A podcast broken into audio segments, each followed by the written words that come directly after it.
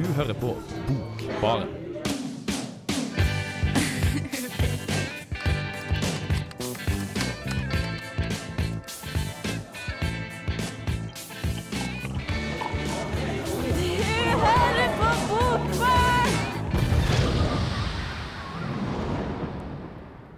Hei og velkommen, kjære lytter, til semesterets første sending av Bokbarn. Jeg heter Ingrid Kveim Skarholt, og jeg skal være programleder i dag. Og med meg har jeg to av mine gode bokvenner. Vetle og Hanna. Hei! Godt nyttår til dere. Godt nyttår. Ja, Godt nyttår til deg òg der hjemme.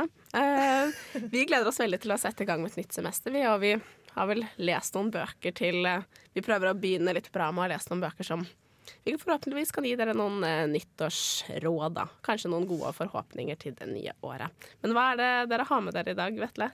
I dag så har jeg med meg en bok av Ida Høgassi Høyer som heter Ut. Jeg ble litt inspirert av eh, Du, du hadde jo med en eh, bok som het Unnskyld for ja, her i høst en gang. Ja, det hadde jeg. Det var jo en bok jeg likte veldig godt, så jeg gleder meg veldig til å høre mer om Ut, fordi man må jo utforske dette forfatterskapet litt mer. Og Hanna, du har ikke med en du har med en litt mer kjent eh, forfatter, kanskje? Ja, en kjent forfatter, men for meg et veldig ukjent verk. Jeg har med meg 'Amerika fra dag til dag' av Simone de Beauvoir, som har da reist rundt i Amerika og skrevet om det. Hvorfor ikke? Det blir veldig spennende å se om vi blir inspirert til å reise og utforske verden av det eh, verket der. Um, og jeg, jeg har med meg en julegave jeg fikk, som var eh, Olav H. Hauges vakreste dikt. Hvor jeg har noen små dikt som kanskje har noen små ting man kan lære av, da. Men eh, jeg tror at vi skal snakke mer om alt dette her seinere. Men vi kan begynne med en eh, låt, og i dag så er det Kate Bush med 'Wuthering Heights' vi skal begynne med.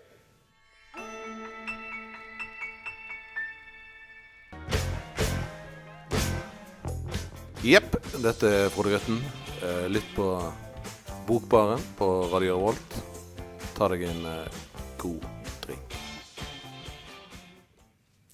Ja, hei og velkommen tilbake til Bokbarn. Vi hørte akkurat på Kate Bush sin kjente sang, vi, Hanna, som du dansa til. Dere skulle gjerne sett henne, hvor flink hun var til å danse. Eh, men eh, hva har dette med litteratur å gjøre da, Hanna? Nei, dette her, altså Dere må jo for det første ikke se meg danse, men se Kate Bush selv danse i denne musikkvideoen som ligger ute på YouTube. Det er bare å søke opp. Helt fantastisk. Men dette er jo da en sang som heter 'Wuthering Heights', som også er en roman av Emily Brontë. Som er den, liksom, sånn, den store klassikeren alle må lese. Så vi som da studerer litteratur og går førsteåret, leser for tiden 'Wuthering Heights'. Så da går jeg rundt og har denne sangen litt sånn i bakgrunnen av hjernen min hele tiden. Og så kunne vi bestemme musikk i dag, og da var jeg sånn, dette her. Og så er det jo veldig passende til at det er litt sånn mørkt og kaldt og stormfullt, at da må man liksom høre på slik musikk. Så det er veldig trivelig. Ja, veldig bra. Men i denne mørke, kalde tiden får dere tid til å lese, eller har dere fått lest noe i ferien?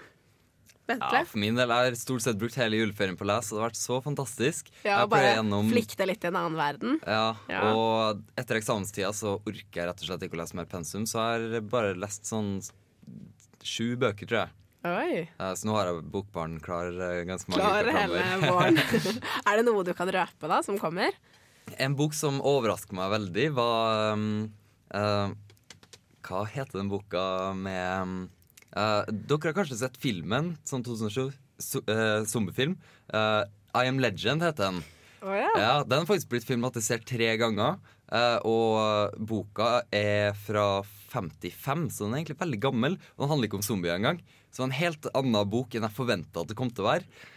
Og den var godt skrevet, og ja, alt i alt en fantastisk bok. Så jeg gleder meg til å ha med den på Bokbaren og sammenligne litt med filmen og alt sånne ting. Det blir veldig spennende. Og jeg, jeg har fått, som jeg sa i stad, eh, Olav H. Hauges eh, vakreste dikt. En samling eh, av min tante, og den er veldig flott. Altså, jeg husker at jeg har sett en sånn video en gang som Hanna eh, la ut, hvor man NRKs arkiv, der hvor man ser Olav H. Hauge i sin For han var jo gartner også. I sin eh, hage går rundt, og det er veldig flotte flotte bilder, og de er også i denne boka er svart-hvitt-fotografier, så man kan jo ikke annet enn å bli litt forelska, da, og få lyst til å bare sette seg ned og høre på hans visdomsord da, om ensomhet og klokskap.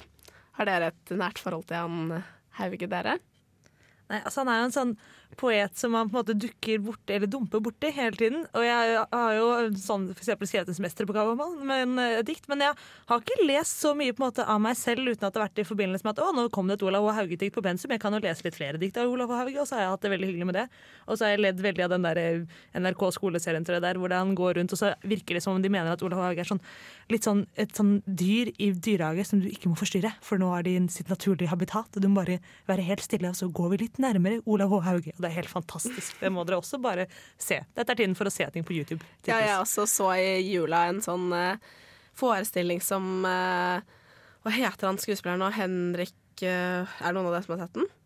Den Nei. forestillingen med Det Henrik en har jeg ikke forestilling sett. som var han tok tak i eh, dagboknotatene til Olav og Haug og lese dem. Det er jo mye han sleit og mye psykisk, eh, og det var veldig interessant. Da. Men jeg husker ikke akkurat hva eh, skuespilleren heter. Men uansett, jeg har i hvert fall tatt med noen dikt som ikke som jeg ikke hadde hørt før av Olav Hauge. Eh, og har litt musikk bak, så er det kanskje noen ting dere kan trekke ut av det. Det kommer nå.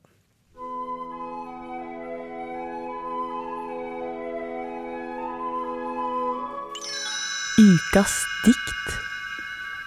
Piggsvinet. Her ei natt på heimveg fall det så eg vegen la, yver teigen, der eg visste det ei kjelde var. Kjelda fram or myrkret blenkte, fanga natti inn. Da ved døkkespegelen satte, sløkte tørsten sin. Vesle nista. Alle piggar låg så mjukt i fred, og den svarte snuten smaka fint på drikken ved. Bare drikk du, eg kan vente, og eg tålug sto. Kanskje med i mangt og mykje like er, me tvo. Liksom eg du lika rusla, slik i myrkret kring, Milam hauslau, finna kjeldor, bær og slike ting. Likar pusla einsam. Men ym, nokon kjem oss nær, kryp meg inn i huva og ut, stive piggar slær. Under bergfalla, du bor under bergfall, og du veit det, men du sår din åker og trør trygt i tun, og let dine barn leika, og legg deg som inkje var. Det hender når du stør deg til ljåen ein sumarkveld, at auga sviv som snarast, yver bergsida, der dei seiger sprekken skal vera. Og det hender du vert liggjande vaken, og lyda etter steinsprang ei natt, og kjem raset, kjem det ikkje uventa, men du tek til å rydja den grønne boti under berget, im du da har livet. Svevn. Lat oss glida inn i svevnen, i den logne draumen glida inn. Tvo deigemne i den gode bakarånden som heiter natt.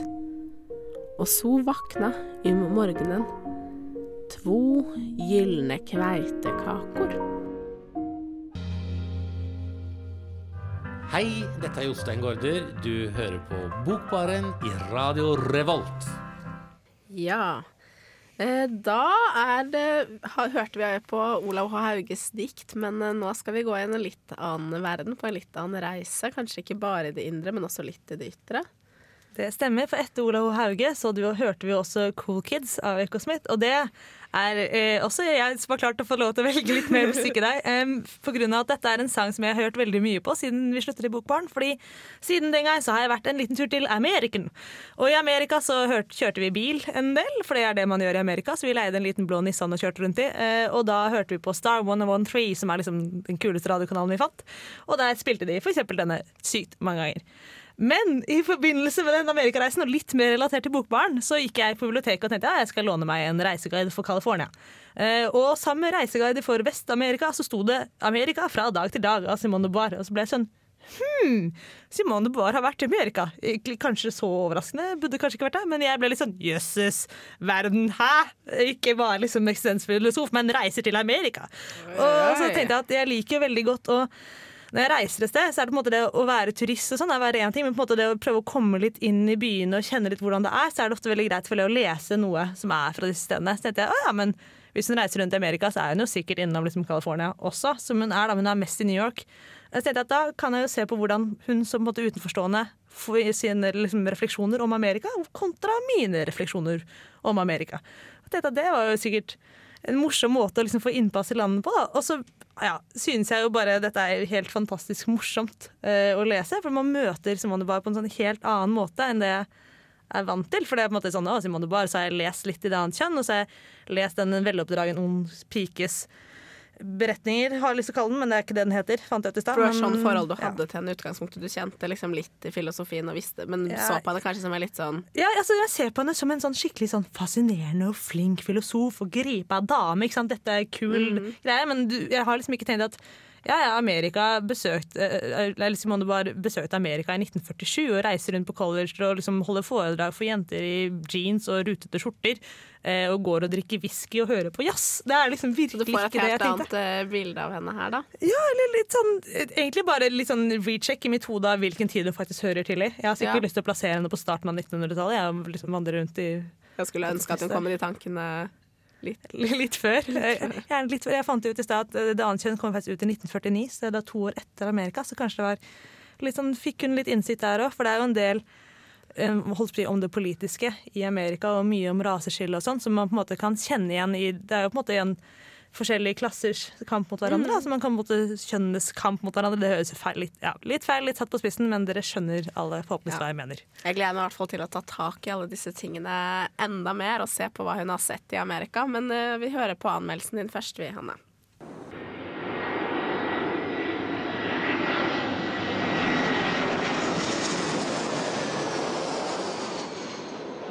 Det var det. Det har skjedd. Jeg flyr mot New York. Det er sant. Høyttaleren kalte 'Reisende til New York', og stemmen hadde den kjente klangen man hører fra alle høyttalere på togperrongene. Paris, Marseille, Paris, London, Paris, New York. Det er bare en reise, en overgang fra et sted til et annet. Det var det stemmen sa. Det er det stewardens plasserte ansikt later som. Av profesjon finner han det naturlig at jeg flyr til Amerika. Det finnes bare én verden, og New York er en by i verden. Nei, slett ikke. Til tross for alle de bøkene jeg har lest, filmene, fotografiene og fortellingene, er New York en legendarisk by i min fortid, og det finnes ingen vei fra virkeligheten til myten. Stilt overfor det gamle Europa, på terskelen til et kontinent befolket av 160 millioner mennesker, tilhører New York fremtiden. Hvordan skal jeg med ett sett kunne hoppe over mitt eget liv? Jeg prøver å snakke meg selv til fornuft. New York er virkelig, byen finnes, men jeg er fortsatt like oppspilt. Vanligvis er det å reise et forsøk på å innlemme en ny gjenstand i mitt eget univers, i seg selv et spennende foretagende, men i dag er det annerledes. Det føles som jeg skal tre ut av mitt eget liv. Jeg vet ikke om det kommer til å skje med raseri eller med håp, men noe kommer til å åpenbare seg. En verden så full, så rik og så uventet at jeg kommer til å oppleve det usedvanlige, at jeg selv blir til en annen. Slik beskriver Simone de Beauvoir følelsen av å sitte på et fly som letter fra Paris med kurs mot New York. Det er 1947, og Beauvoir skal til Amerika i fire måneder. Hva skal hun her? Hun skal undersøke Amerika. Hun skriver selv det vil være en tilsnikelse å prøve å lage en studie, men jeg kan komme med et sannferdig vitnesbyrd. Men dette vitnesbyrdet i dagboksform minner likevel om en samtidsdiagnose, og du føler deg gjerne truffet. Amerika i 1947 er i mange henseender lik store deler av den vestlige sivilisasjonen i dag. Iblant får du lyst til å skrike opp over hvor lite vi har forandret oss.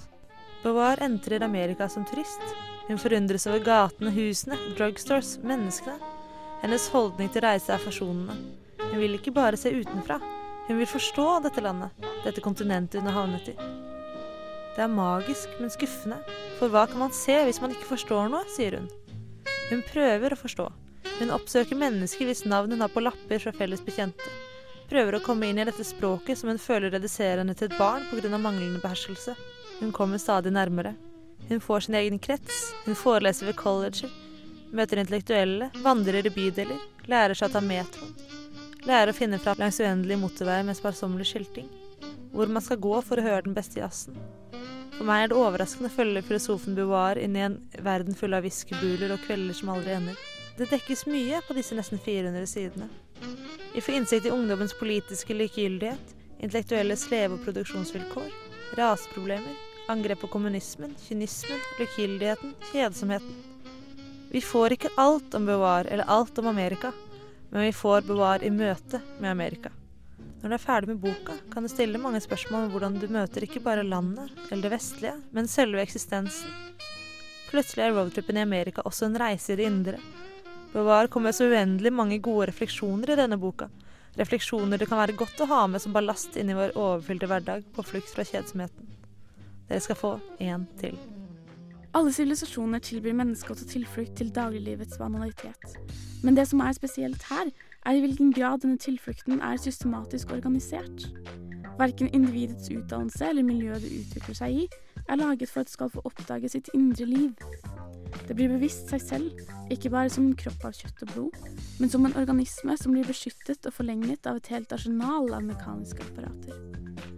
Man går opp og ned fra en etasje til en annen i heis. Man forflytter seg med undergrunnsbanen. Man snakker i telefonen, skriver på maskin, feier med støvsuger.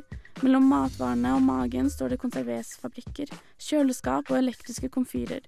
Mellom det seksuelle begjæret og dets tilfredsstillelse fins det et helt tilbehør av moralforskrifter og hygieniske rutiner. Fra barndommen av blir individet omsluttet til samfunnet. Det lærer å lete etter mønster for sin atferd utenfor seg selv, hos andre. Av dette følger det man kaller den amerikanske konformismen. Individene er i virkeligheten like forskjellige, like atskilte i den nye verden som i den gamle, men de finner lettere en måte å flykte fra sin egen særegenhet på, og unngå følelsen av den opprinnelige ensomheten.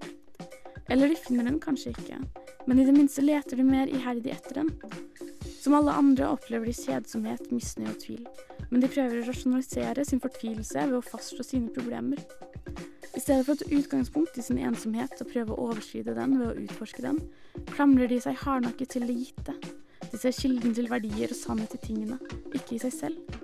Deres eget nærvær er bare en tilfeldighet, som de ikke vil tilskrive noen verdi.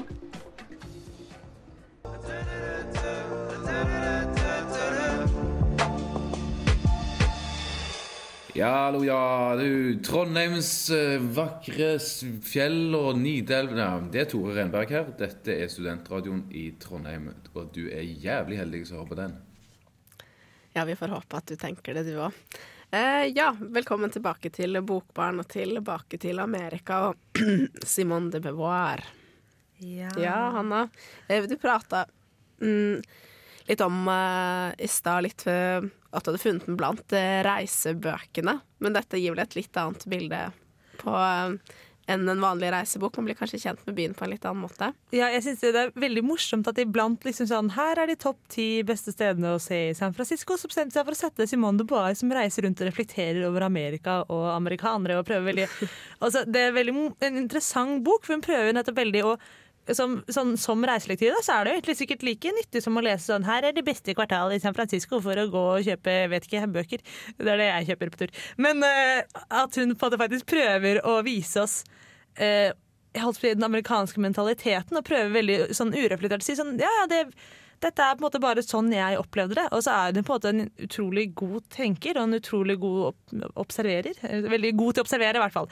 Eh, så det, man får jo veldig mange innsikter. Og det, det var veldig mye av det hun opplevde og tenkte som jeg var sånn Dette her er så utrolig riktig, men jeg hadde aldri på måte kommet på det selv. Ja, det er litt sånn det Eh, er, da. Men det er bra at noen kan tenke litt for oss, og så får vi litt uh, inspirasjon til hvordan vi skal oppdage kanskje andre steder, da. Vite litt. Men, eh, men hun skildrer også litt uh, tiden hun lever i da. 1947 er det hun legger ut på denne reisen, og hva er det hun egentlig sier? Hvilke holdninger er det folk har? Nei, det er dette som på en måte var så utrolig inspirerende og samtidig så utrolig frustrerende. At det er en tid på en måte, det, sånn, det har nettopp vært krig, og alle hun møter er enten veldig sånn der Å, stakkars hvis dere er i Europa, vi måtte jo hjelpe dere litt, tjudeluldu, og litt sånn nedlatende. Eller så er det på en måte Ja, de, de har veldig mange forskjellige måter å møte henne på, da, og dermed så blir hun også veldig sånn Hennes prosjekt er veldig ut liker jeg Amerika, liker jeg ikke Amerika, hva er det som er spesielt med Amerika?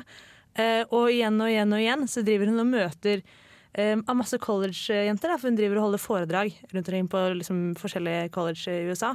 Uh, og så blir hun slått av til stadighet hvor utrolig lite de bryr seg, og hvor utrolig lite tro de har på at det de kan gjøre, kan gjøre noen som helst endring i verden. Og det er liksom, Dette er rett etter andre verdenskrig. Og så møter hun en haug med unge mennesker, og så spør hun sånn Ja, hva prater dere om? Og sier nei, vi prater ikke om, om noen ting. Vi snakker om gutter, og vi snakker om det som skjer liksom på fester, og ja, vi gjør sånne ting Så vi sykler, vi prøver å gå, vi går på dates, liksom. Altså, og så blir hun sånn men tror dere liksom ikke på noe mer? Tror dere ikke på politikken? Altså, er, dere ikke klar over på en måte, hva som skjer i verden? Da? De sosiale urettferdighetene? Ser dere ikke raseskillene? Så er det sånn, jo, vi, er, vi ser at det skjer, men det er jo ikke noen ting vi kan gjøre med det. En veldig sånn avsluttet holdning da, som jeg på en måte synes er så utrolig sånn Herregud, hvorfor hules huleste har vi en verden hvor det går an å tenke at du ikke kan ha noe å si? Og samtidig så tror jeg også det er en holdning jeg tenker at sånn, jeg tror det er veldig mange mennesker som kan ha den holdningen også i dag. Og det er, Ja, for det var ja. det du sa at du syns er litt skremmende at hun sier noe i 1947 i Amerika som til dels gjelder i den vestlige verden i dag. Ja, Du altså, følte det- det er flere trekk du kan kjenne Ja, igjen? det er både at den, Som politikerne har vi gitt opp, vi klarer bare ikke mer. Det er, har selvfølgelig ikke alle som har det, men jeg føler at det er mange som har det. Og så er det også en sånn at hun kritiserer veldig mye Amerika for å være sånn vi, Dette er frihetens land, og du skal ha så mange valg, og det er så mye, men samtidig så er det egentlig ikke det. Det er bare et skinn. Altså, du har masse produkter rundt deg, og du tar ingen valg, og du innser på en måte ikke livet ditt bak alle tingene. Eh, Det er bare masse greier rundt deg, og du klarer faktisk ikke å sitte ned og se hva er det egentlig du bruker livet ditt på, fordi alt er et jag etter å skaffe penger. De jager etter å skaffe penger. For du sa litt at eh, eh, at det er en slags diagnose på den eh, vestlige sivilisasjonen. Er det noe vi Hvordan kan vi mm, Hva kan vi gjøre? Hva kan vi lære av Beauvoir da? Hva bør vi gjøre med vårt Åh, eget eh, liv? Vi må, vi må søke kunnskap og tenke og tro på oss selv, og ikke være sånn som hun sier at disse collegejentene sånn, de er så jæklig flittige, de jobber så mye, men de prøver på en måte ikke Altså, de kan jo ingenting. Altså, de lærer seg OK, du kan snakke fransk, kjempefint, hva skal du bruke det til? Nei, hæ, snakke fransk. Altså, det er en Ja, sånn må holdning, og litt, den må liksom. vi ut av, alle Ja. sammen. Hei hå. Og det var veldig bra at du sa ut, fordi det minner meg om noe vi skal komme til veldig snart. Vetle, kan du si veldig kort hva som kommer etter den låta vi skal høre på nå? Etter låta her skal vi snakke litt om Ut, eh, som er den andre boka av hittil tre bøker som eh, Ida Haugassi Høyer har eh, gitt ut. Jeg gitt ut, ja. Eller utgitt. Jeg har sagt det her før, feil en gang også. Nei, jeg Men, lo bare at det var ut igjen. igjen. Å, ja, ok. Men ja. Så vi gleder oss i hvert fall til å høre på den. En dame som vil ut av sin perfekte tilværelse. Men uh, før det så skal vi høre på Tom Odell med 'Another Love'. Ut drar de inn i livet til en kvinne som har den perfekte tilværelsen. Sammen med sin perfekte mann har de en perfekt sønn, og alle lever dem i et perfekt hus. Selv om hun ikke har en prestisjejobb, så trives hun på pleiehjemmet, hvor hun har ansvar for flere brukere. Til tross for denne perfekte og veltilpassa tilværelsen, det her perfekte livet som alle vil ha, så er det noe som bygger seg opp inni henne. Et behov som ikke blir tilfredsstilt. Kanskje det ble for kjedelig for henne. Første gang jeg merker at noe ikke er som det skal, er en onsdag i februar. Det kommer som en kritthvit tåke inn i hagen, inn i veggene, som et godstog, som en sommerfugl. Som et annet hus i huset. Noen ganger er det ikke nok å ha alt. Hun ønsker ikke å ha mer, hun vil bare ut.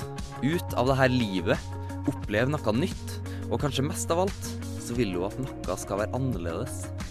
Men hva er det egentlig som skal være annerledes? Og hvordan burde det egentlig være? Én ting er i hvert fall sikkert. Rutinelivet, det forutsigbare, alle fasadene og normene må erstattes av noe ekstraordinært. Jeg holder nesten ikke ut å være inne i mitt eget hus, mitt eget hjem. Til og med min egen sønn kjeder meg. Det er interessant å se hva som skjer når hun prøver å gjøre noe nytt. Noe som ikke er forventa av henne, når hun bryter ut. Følgene er ganske forutsigbare, noe som gjør handelsforløpet mindre spennende. En roman som er verdt tida di, men som ikke er så veldig mye mer enn en tankevekker uten høyaktuell tematikk. Språket er noe unikt, og jeg føler jeg blir litt kompis med Ida Hegazi Høyer. Hennes forfatterskap har absolutt potensial, og jeg ser fram til å lese hennes siste roman, 'Unnskyld'.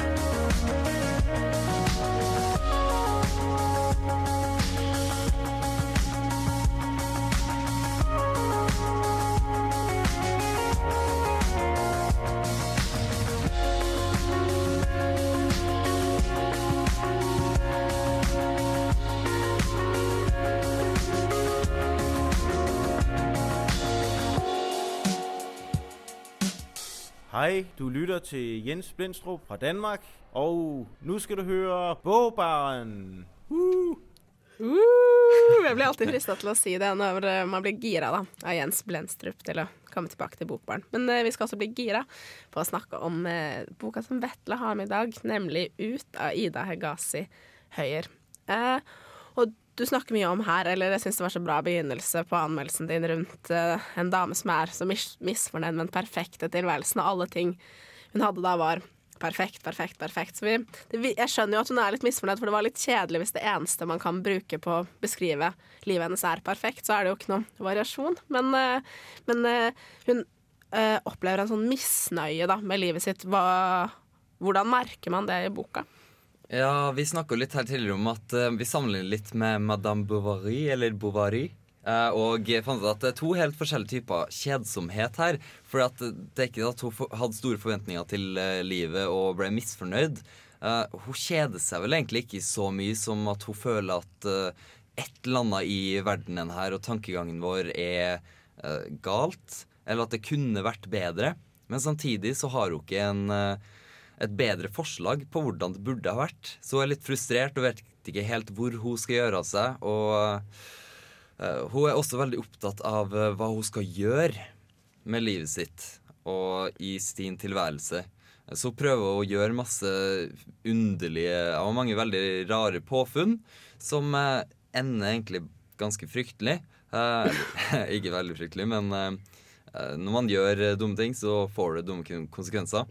Men gjør, gjør noen ting som er så ekstremt at det er helt umulig å komme tilbake til sitt eh, vanlige liv, eller? Ja, hun gjør egentlig det, for hun Hun setter veldig mye på, eh, på risk. Eh, Hun er utrolig heldig, og ingenting av det Eller mye av det blir oppdaga, og folk ser rart på henne sånn Hva er det du holder på med? Men eh, de virkelig store tingene klarer hun heldigvis å skjule. Eh, så hun klarer jo å gå tilbake til sitt vanlige liv i perioder hvor hun ikke føler på det her eh, behovet for å gjøre et eller annet som hun ikke vet hva er. Ok, Så det kommer litt og går på en måte om hun føler på denne misnøyen? Ja, har hatt eh, perioder hvor det er ekstra mye, og en, noe som jeg ikke nevnte her, som er, i saken min, som er ganske sentralt, er at hun møter en, en fyr på en benk som hun ikke vet hva heter, Uh, men han, hun kaller han bare for Ulv. Og de møtes da fast hver dag. Uh, og eh, jeg husker ikke hva jeg skulle fram til, men i hvert fall eh, i de periodene hvor eh, de eh, er mye sammen, så putter han på en måte litt sånn tanker i eh, hodet hennes, fordi at han har litt de svarene som hun ikke har. Så Oi, han, har han, Hva slags type liv eller han bakgrunn har har han, han, da? motsatte. Hun- Han er så lite materialistisk som det går an, mens hun har jo porselensskåler til eh, flere tusen stykk. Men Han uh, har ikke skitta på senga si på ti år, så de lever litt forskjellig liv. da. Uh, Men hun blir inspirert men av hun han, blir da? veldig inspirert av den, Ja. den tankegangen han har om, om de større tankene. Og selv om hun ikke helt forstår Hun, hun klarer liksom ikke å adoptere denne tankegangen, så syns hun likevel at det er veldig spennende. Mm. Det forstår jeg. Eh, men får- snakker hun med noen om det her, eller? Nei, Det er egentlig, veldig- det er egentlig mest de to som prater sammen, og så prøver hun det ut i det virkelige livet. eh, og da reagerer jo selvfølgelig dem rundt. Ja. Men blir man frista da til å Jo, Hanna. Nei, nei, jeg bare synes at Det høres jo ut som sånn Dette er også en samtidsdiagnose. Dere. Så hei, verden er perfekt. Og vi, dette leser jeg også nå i avisen til, at vi er blitt en generasjon med veldig veldig flinke folk. Vi gjør alt vi skal når vi skal. Vi er mindre ute og drikker, vi er hyggelige hjemme, og så er vi kjempedeprimerte. Mm. Så det er liksom vår tid. Så jeg føler at dette er også en gjeng den, Det henger på en måte litt sammen med alle disse flammeromanene vi alltid driver og drar frem, med folk som er litt sånn misfornøyd med livet, men vi vet ikke helt hvorfor. Det, er liksom, det Mm. bare er ikke helt sånn som det skulle være. Og det tror jeg egentlig er liksom, Jeg skjønner jo at folk skriver om det, for jeg tror det er veldig veldig mange som føler på det. Og det er sikkert vanskelig å finne de svarene. Da. Vi Ja, er det er bare det. litt sånn, det er derfor Og det er derfor vi har kommet til denne, denne liksom, krisen som de hadde i Amerika i 1947. Hvor man ikke kunne vite hva som var livet bak alle disse liksom, materielle greiene. Så alt det vi skal få gjort, all den tiden vi bruker på å gjøre ting, og så plutselig står det stille, så er det sånn Hæ? Hva skjedde nå? Hva gjør vi? Vi vet ikke. Nei, jeg synes det er litt spennende, for jeg har kjent mye på de her eh, tankene og følelsene eh, selv. Og det, det virker litt som at eh, hele livet ditt er planlagt på forhånd. Det er sånn det her er den skolen du skal gå på, og det her er de menneskene du skal være med, og du skal leve på en sånn her og sånn her måte, og følge de her reglene og de her normene. Det her forventes av deg, og så er det litt sånn hvorfor? Og vi har ikke noe grunn til å på en måte være misfornøyd med det, for at vi lever i et velferdssamfunn, og vi har det så flott, og vi skal ikke klage på noe. Eh, Men samtidig så stiller vi jo spørsmål med, med ting, da. Og det er det hun gjør i boka her.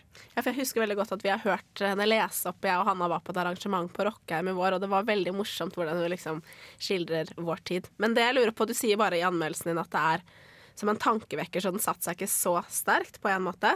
Men samtidig, hva var det du fikk ut av den, og hva er det du går videre med? Ja, jeg har tenkt litt på det her eh, på forhånd, men eh, boka her var jo som sagt en litt sånn tankevekker som gjorde at jeg begynte å tenke litt mer på det. Eh, og jeg konkluderte eh, på en måte med at hun er veldig fokusert på alle handlingene hennes. Eh, og i mitt liv så har jeg funnet at jeg det er ganske begrensa hva jeg kan gjøre. Men jeg kan selvfølgelig gjøre masse syke ting. Men hvis at jeg har lyst til å gjøre et, en ordentlig karriere og så videre og så videre, så må jeg egentlig bare se inn i mentaliteten min, for at psyken din er så uendelig Du kan bare utforske den til det uendelige. Og du kan finne så mye interessant der, og etter at jeg begynte å studere, ikke minst, så har jeg funnet så mange tanker, i spesielt sånn X-Fil, uh, selv om det er ganske generelle tanker, da, så uh, er det jævlig spennende. Så jeg tror det er der, um, det, er der det ligger. Det er der det ligger å utforske den spennende verden i hodet ditt. Og håper at kanskje det kan eh, være noe man Jeg snakket jo om eh, drømmer og litt sånn i Olav Haug også, så det er en spennende verden du kan eh, Jeg kan være i tillegg til den du selvfølgelig lever i, da. Men eh, nå skal vi høre på Death Cab for Cutie med 'Blacking Out The Friction'. Eh, Ja, jeg heter Dag Solstad, og dere hører nå på Bokbaren, og der er altså jeg. Der er altså du, Dag Solstad. Det er kanskje noe av det som jeg savner mest når jeg er hjemme og ikke er med på Bokbaren. Så savner jeg å høre den trygge, gode stemmen til Dag Solstad. Eh, men uansett, vi er egentlig avslutningsvis av, eller, på siste del av sendingen vår. Vi. Men eh, vi skal vel, så derfor skal vi ha litt blesting, før vi kanskje oppsummerer litt hva vi har hatt i dag. Så Hanna, du, har du, sitter du på detaljene om opptaket til RIS, som er tidsskriftet for eh, litteraturvitenskap? Ja, for språk- og litteraturstudenter. Litteratur, Ja. eh, dette er jo da et tidsskrift som holder til oppe på Dragvoll, og de søker nye redaksjonsmedlemmer. Eh, gjerne språkstudenter, og gjerne noen med nynorsk som hovedmål, fikk jeg beskjed om. Oi, oi, oi. Men det er selvfølgelig åpent for alle andre som også vil søke. Da får man lov til å være med og drifte tidsskriftet for erfaringene. Det veldig trivelige og trivelige folk, og da er det frist for å søke den 18. januar, som er nå på søndag, så det syns jeg dere skal gjøre.